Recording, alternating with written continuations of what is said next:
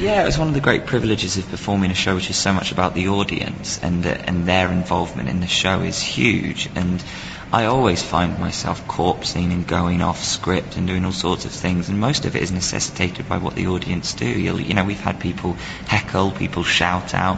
It's even just down to you know a child that has a particularly hilarious laugh, and then the rest of the audience goes, and you you just have to include that stuff. Also, there's sections where we bring people up on stage to join in the action. We have a massive Quidditch game which we play live in the auditorium, and we get people up on stage to do that. And everyone's got different roles and responsibilities, and that one can can get out of hand, really. Get really, you know, quite kind of feisty sometimes, particularly with the dads who, you know, kind of family pride and all that stuff, knocking it around everywhere.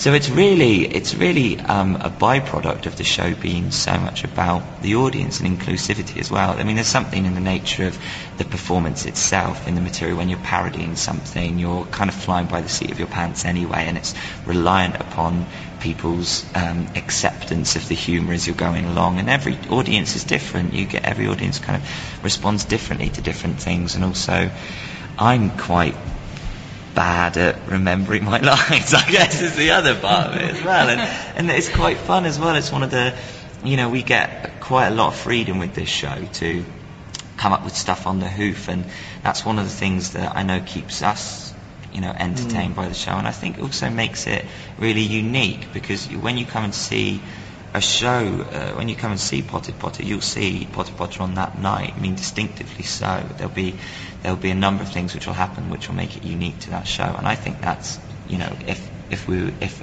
ever a show were kind of you know holding the reins of live theatre in its hands, probably that.